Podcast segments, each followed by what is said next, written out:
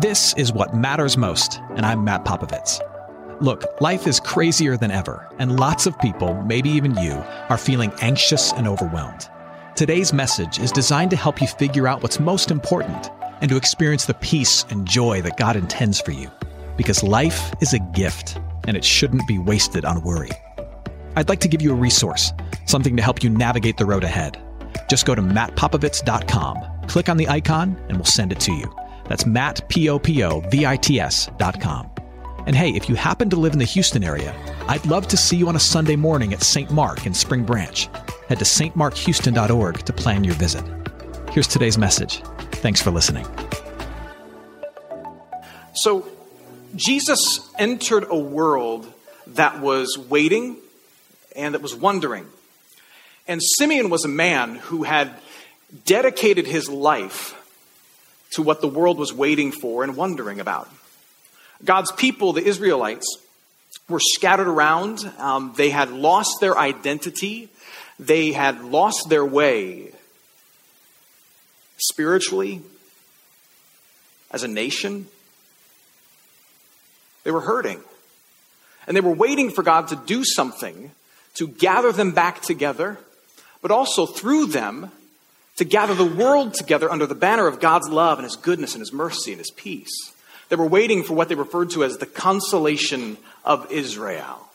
And Simeon was a man who had dedicated his life to seeing that happen. In fact, he had said, Lord, I don't want to die until you have answered this prayer, until you have you have addressed this uncertainty, till you have calmed this worry, that you're going to do something about the fact that your people are scattered and that the world is far from you. One day, Joseph and Mary and their six month old baby Jesus entered the temple.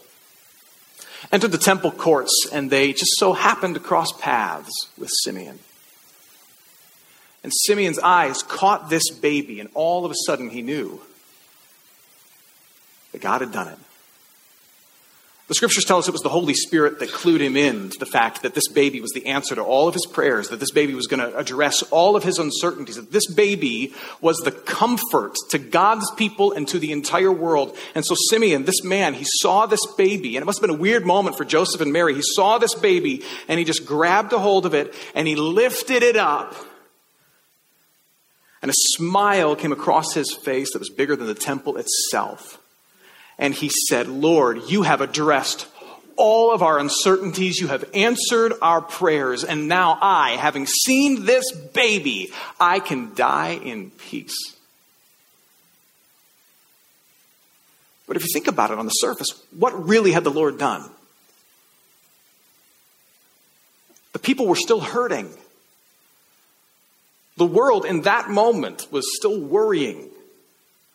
They were still very far from God. All he had done was send an infant into our uncertain world. And yet, for Simeon, it was enough. This morning, we are, we are ending our series called Dwell. It's been our Advent series, our pre Christmas preparation series where we are getting our hearts and our minds ready for the arrival and the birth of Jesus. And, and we're ending it by talking about how, how Christ, the, the, as a baby, entered into our world of great worry and great uncertainty, and yet simply through his arrival, God has done great things to address your uncertainties and to calm your worries. If you have a Bible, take it out. If you have something that can access the Bible via you know, an app on your phone or whatever, um, turn with me to Luke chapter 2. Luke chapter 2, we're going to start at verse 25. Here's what we hear about Simeon in Luke chapter 2, starting at verse 25. Now, there was a man in Jerusalem whose name was Simeon, and this man was righteous and devout, waiting for the consolation of Israel, for God to do something about them being disconnected from him and scattered and the Holy Spirit was upon him. He was concerned with the uncertainty around God's people. And he wanted to know if God was going to do something about it. And here's the reason we're shopping right now. Here's the reason we're singing Christmas songs. Here's the reason we're all going to come back here on Tuesday with a friend. Because God did. He did something about it. He answered it. Now, if you really think about it, you may go to this place and say, yeah, but he didn't answer it in the way in which Simeon probably wanted it to be answered, I would imagine, or, or, I would want it to be answered. You and I want resolution to our uncertainties, like instantly. We want him to do it now, like flip a switch, snap your finger. We want, we want him to not just send a baby, we, we want him to resolve it immediately. We want him to, to, um, to solve our problems in the same way that um, that guy who won the Powerball earlier this week had all of his problems instantly solved, right? One moment you've got 280 bucks in your checking account wondering how you're going to pay for Christmas, and the next moment you've got 280 million dollars wondering how you're going to keep your relatives away from it. Instantly. We want that kind of solution. We want God to like wave his magic God wand and make the uncertainty resolved. It's no longer an issue. But instead, what did God do? Did, did he snap his fingers and fix it? No, all God did was, was show up. And, and this is our insight into how God addresses our uncertainties. He addresses our uncertainties through his presence and his promises. Let's talk about his presence first. Through his presence. Maybe what we really need in the middle of life's uncertainties is not a solution, but the comforting presence of capable people. Maybe what we, what we really need in the middle of life's uncertainties is not an instant resolution, although there's something about that that seems like it would be very nice. But what we need is the comforting presence of capable people. Because what did God do? The world is longing for Him to fix this problem of the space between Him and us. And what does He do? He shows up. He arrives. He, he gives us himself. He sends himself. We're sitting here in weakness, and so he sends himself in weakness to be with us. John 1:14, this is how we started the series. The word became flesh and dwelt among us. Maybe this has never hit you before, but this is this is one of the primary ways in which Christianity Christianity differs from every other type of spirituality. Every other type of spirituality. Every spirituality offers a fix to what it seems to be, what it deems to be the big problems of mankind. That's one of the things we all have in common. They all have a way to fix it. But typically, every spirituality, apart from Christianity, simply says, here's the fix, you do it. Oh, here's the problem, fix it. What does Christianity say? God has joined us in it. Yes, God is fixing it. God is doing something about it. In Christ, He's, he's righting all of the wrongs. But, but before He rights the wrongs, what does He do? He enters the wrong world, the world that is wronged. He enters into it and joins us in it. Because here's what we know about love. And if you're married, if you have kids, um, if you've been in any kind of relationship before in your life, you will know this. Here's what love is. When there's a problem, someone who loves you doesn't simply shout a solution from another room. When they love you, they drop what they're doing and they join you before they fix it for you. That's what love does. And yes, we want an instant fix, but what does God do? He joins us in our weakness and He answers our uncertainty with His powerful presence. That's what love does. Now, you might say to yourself, yeah, but we still need an answer to all of our uncertainties. My problems are real. So, so he can show up and he can, he can be here. But if, but if I freak out in the middle of the night, my dad comes into my room and he looks at me and he says, yeah, I'm here, but I don't do boogeymen. We're toast. So if he's going to show up, what's he actually going to offer me? And this is where promises come in. God not only gives us his presence in the midst of a world of uncertainty, but he gives us his promises. And if you don't think that's enough, let me prove you wrong, okay? Luke chapter 2, now t- verse 26. It had been revealed to Simeon by the Holy Spirit that he would not see death before he had seen the Lord's Christ. So the Holy Spirit said to Simeon, You're worried about this? I got an answer for you. And before you die, you're going to see my answer in flesh and blood. You're going to see the Christ, the Mashiach in Hebrew, the Savior King. And he came in the Spirit into the temple. And when the parents brought in the child Jesus to do for him according to the custom of the law, Simeon took him up in his arms and blessed God and said, Lord, now you are letting your servant depart in peace according to your word. Another word, way of saying your promises. For my eyes have seen your salvation. Here's what Simeon knew God had made a lot of promises. God had not just spoken to Simeon. Simeon was a man who was righteous and devout. God knew, Simeon knew all the things that God had said to all the other people before him about how he was going to answer the problem of our brokenness and our disconnectedness from him. Simeon knew that God had spent thousands of years saying, I'm doing something. I'm going to fix it. I'm sending someone. I'm doing something. I'm going to fix it. I'm sending someone. Simeon knew that there were big promises attached to this baby. That God had said he wouldn't just arrive, but when he arrived, he would initiate a rescue plan for all of humanity. That this God, that this arrival would be God in flesh, the fixer of our problems, the savior of the world, the king of our hearts. For example, here's some of the words that Simeon knew. These are the words of Isaiah in chapter 53. These words were written 700 years prior to the birth of Jesus. 700 years prior to the birth of Jesus. These are words that Simeon, in all likelihood, would have had memorized. This is a prediction of the coming Savior. It says, But he was pierced for our transgressions. He was crushed for our iniquities. Upon him was the chastisement that brought us peace, and with his wounds we are healed. This is a foreshadowing of what moment? The cross. 700 years before Simeon would meet the baby in the temple. These are words that are spoken. Simeon knew that God had made these promises. And by the power of the Holy Spirit, it was revealed to him that when this baby showed up, God was answering Isaiah 53. He was answering Genesis. He was answering every other word that had ever been uttered. God had made massive promises over the course of several thousand years. And in the arrival of this one baby, they were all answered.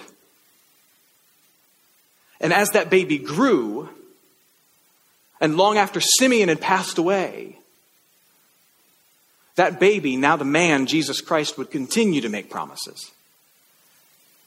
Not only did he arrive to fulfill them, but then he added to them and he said, I am the one who's going to give you life from the Father.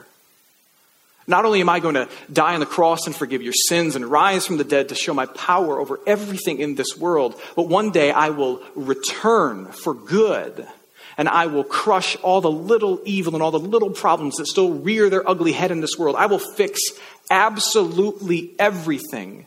Jesus, who arrived and answered promises, showed his power through his death and resurrection and made more promises for you and for me. And, and he's able to do that for us because he's already proven himself trustworthy. He answered thousands of promises by simply showing up and being born. And then he did the, the impossible by dying a sacrificial death on behalf of all of broken humanity and then rising from the dead. And when someone rises from the dead, which by the way, no one has ever done that and stayed alive like forever and ever and ever and ever, like Jesus has, right? When someone rises from the dead and defeats it, whatever they promise you, you pretty much can take it to the bank.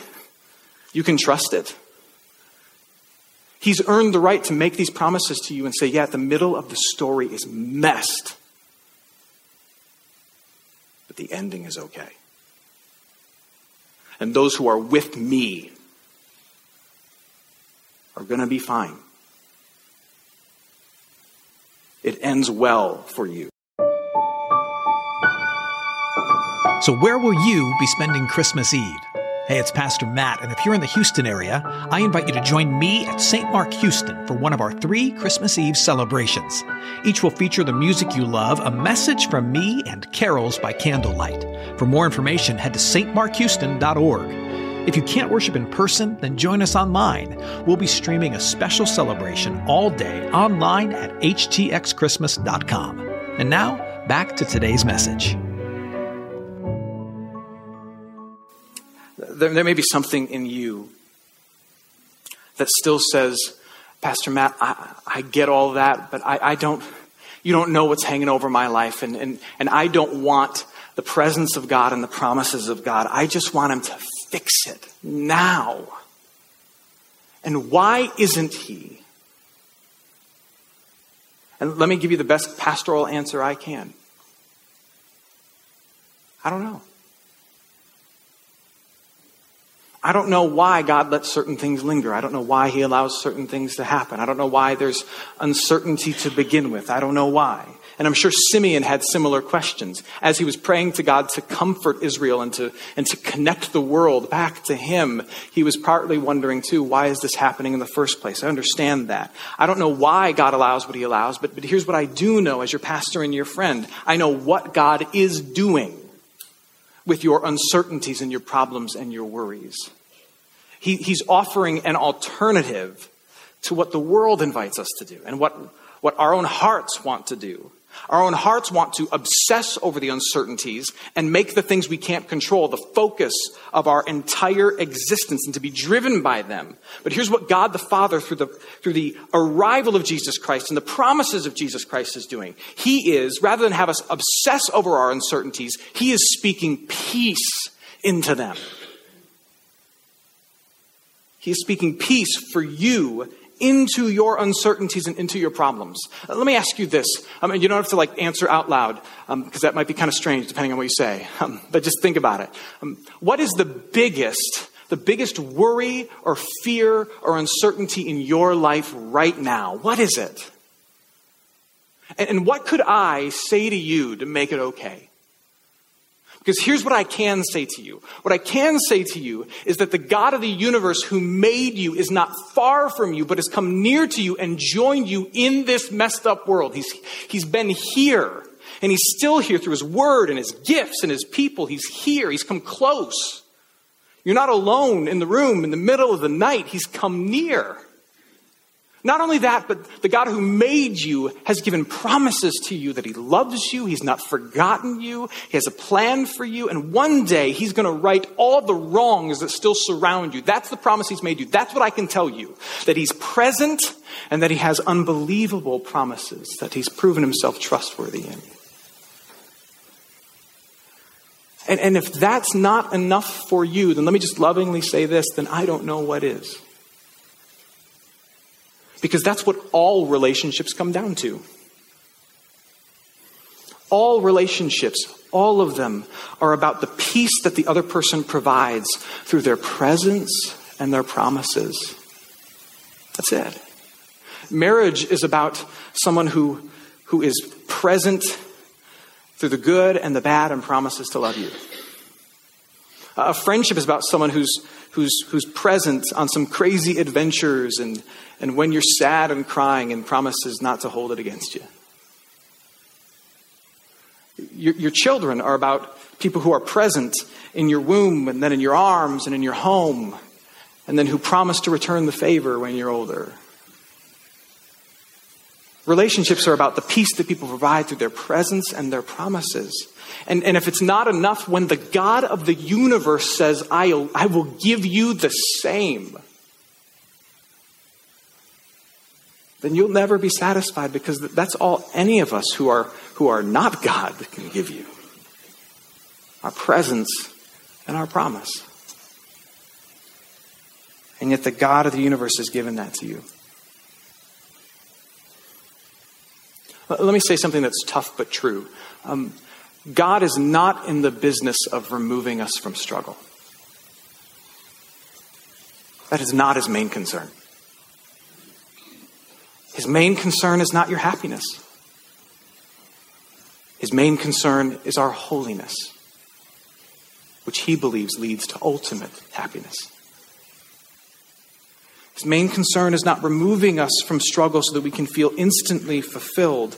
But, but here's what he does. Here's what he's up to. He comforts us in the middle of struggle and keeps his promise at the end of it. That's what God does. And maybe the reason he does this is because, as you've learned in your life, we grow more, we change more, we know him more, and love him more when we walk with the God who's come near to us and hold on to his promises in the midst of pain than when we are able to avoid pain altogether. we learn more and grow more and change more and, and deepen in our love for Him more when He has His hand upon us in the middle of uncertainty through His presence and His promises than if He were to simply wave a God wand and erase our uncertainties and our problems.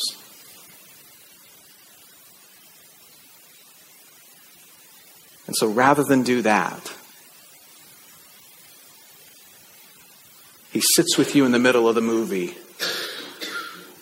and He says, I know it's scary, but I'm here in your world. Yeah, that's nuts, right? Let me, let me, let me tell you a promise. Um, all the bad guys die in the end. And you're not a bad guy, you're a good guy because you're with me. So keep watching. That's what he does. One of the things I love about Simeon is that it's easy for me to see myself in his story. We, we don't know much about him. In fact, this is the only time he's mentioned in Luke chapter 2. All we're told is that he was a man who loved the Lord and worried about whether or not God was going to reconcile himself with his people. That's all we know. He was an insignificant person in the grand scheme of history, worried about big things, yet who was given a great gift the opportunity to see God's Savior with his own two eyes. That's who I am. That's who you are. In the grand scheme of human history, we are, we are Simeons. There's little known about us, there's insignificant details given about us. And yet we are carrying big worries and big fears and, and big things that have us stressed. And yet God has given us a great gift. He's given us a glimpse of his son, his savior, the king of the world, the one who loves us. So that we, like Simeon, can say, the, the issues are still out there, and I'm still kind of a nobody in the grand scheme of things. But I have peace. Because I've seen the love of God with my own two eyes. And He's given it to me in the midst of my uncertainty and he's told me now, through the presence of his son, Jesus Christ, that everything's going to be okay in the end, even if it's not okay today.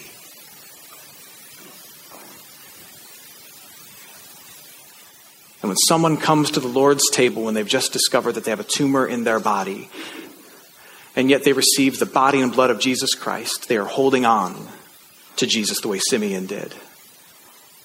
And they are given peace that one day they will have a body that will not decay as Simeon had peace. And when a 16 year old girl comes into this place, and, and though she is living in a world that tempts her and pulls on her in a thousand different directions, but she is welcomed into this place as she is, for who she is, she is welcomed by Jesus himself through Jesus' people. And she's given peace that one day, at the consummation of all things, she will have an embrace from God himself. And when the widower comes through these doors and receives the promise of resurrection and reunion after losing his young bride, when he holds on to that promise of resurrection, he's holding on to Jesus. And he's receiving the peace that there will be a reunion with the one that he loves and the one who made him.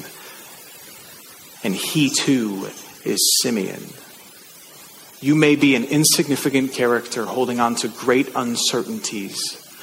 But may the joy of Christmas be found in this. We have been given a great gift, the presence of God and the promises of God. And though the world is still watching and wondering and worrying about things, my prayer for you is that that would be for you as it was for Simeon more than enough. Amen. Hey, it's Matt. I hope you enjoyed what matters most. Here's what I need you to know life is a gift, and it shouldn't be wasted on worry. I want to help you figure out what's most important and to experience the peace and joy that God intends for you. So, for more content, you can head to mattpopovits.com. That's Matt, P O P O V I T S.com. There, you can also support this ministry as well as access your free resource, a little something to help you navigate the road ahead. I'd also love to see you on a Sunday morning. If you're in the Houston area, head to stmarkhouston.org to plan your visit. In the meantime, hit me up on Instagram at mpopovits or at facebook.com slash Matt Ministries. Thanks for listening. Now go and hold tight to what matters most.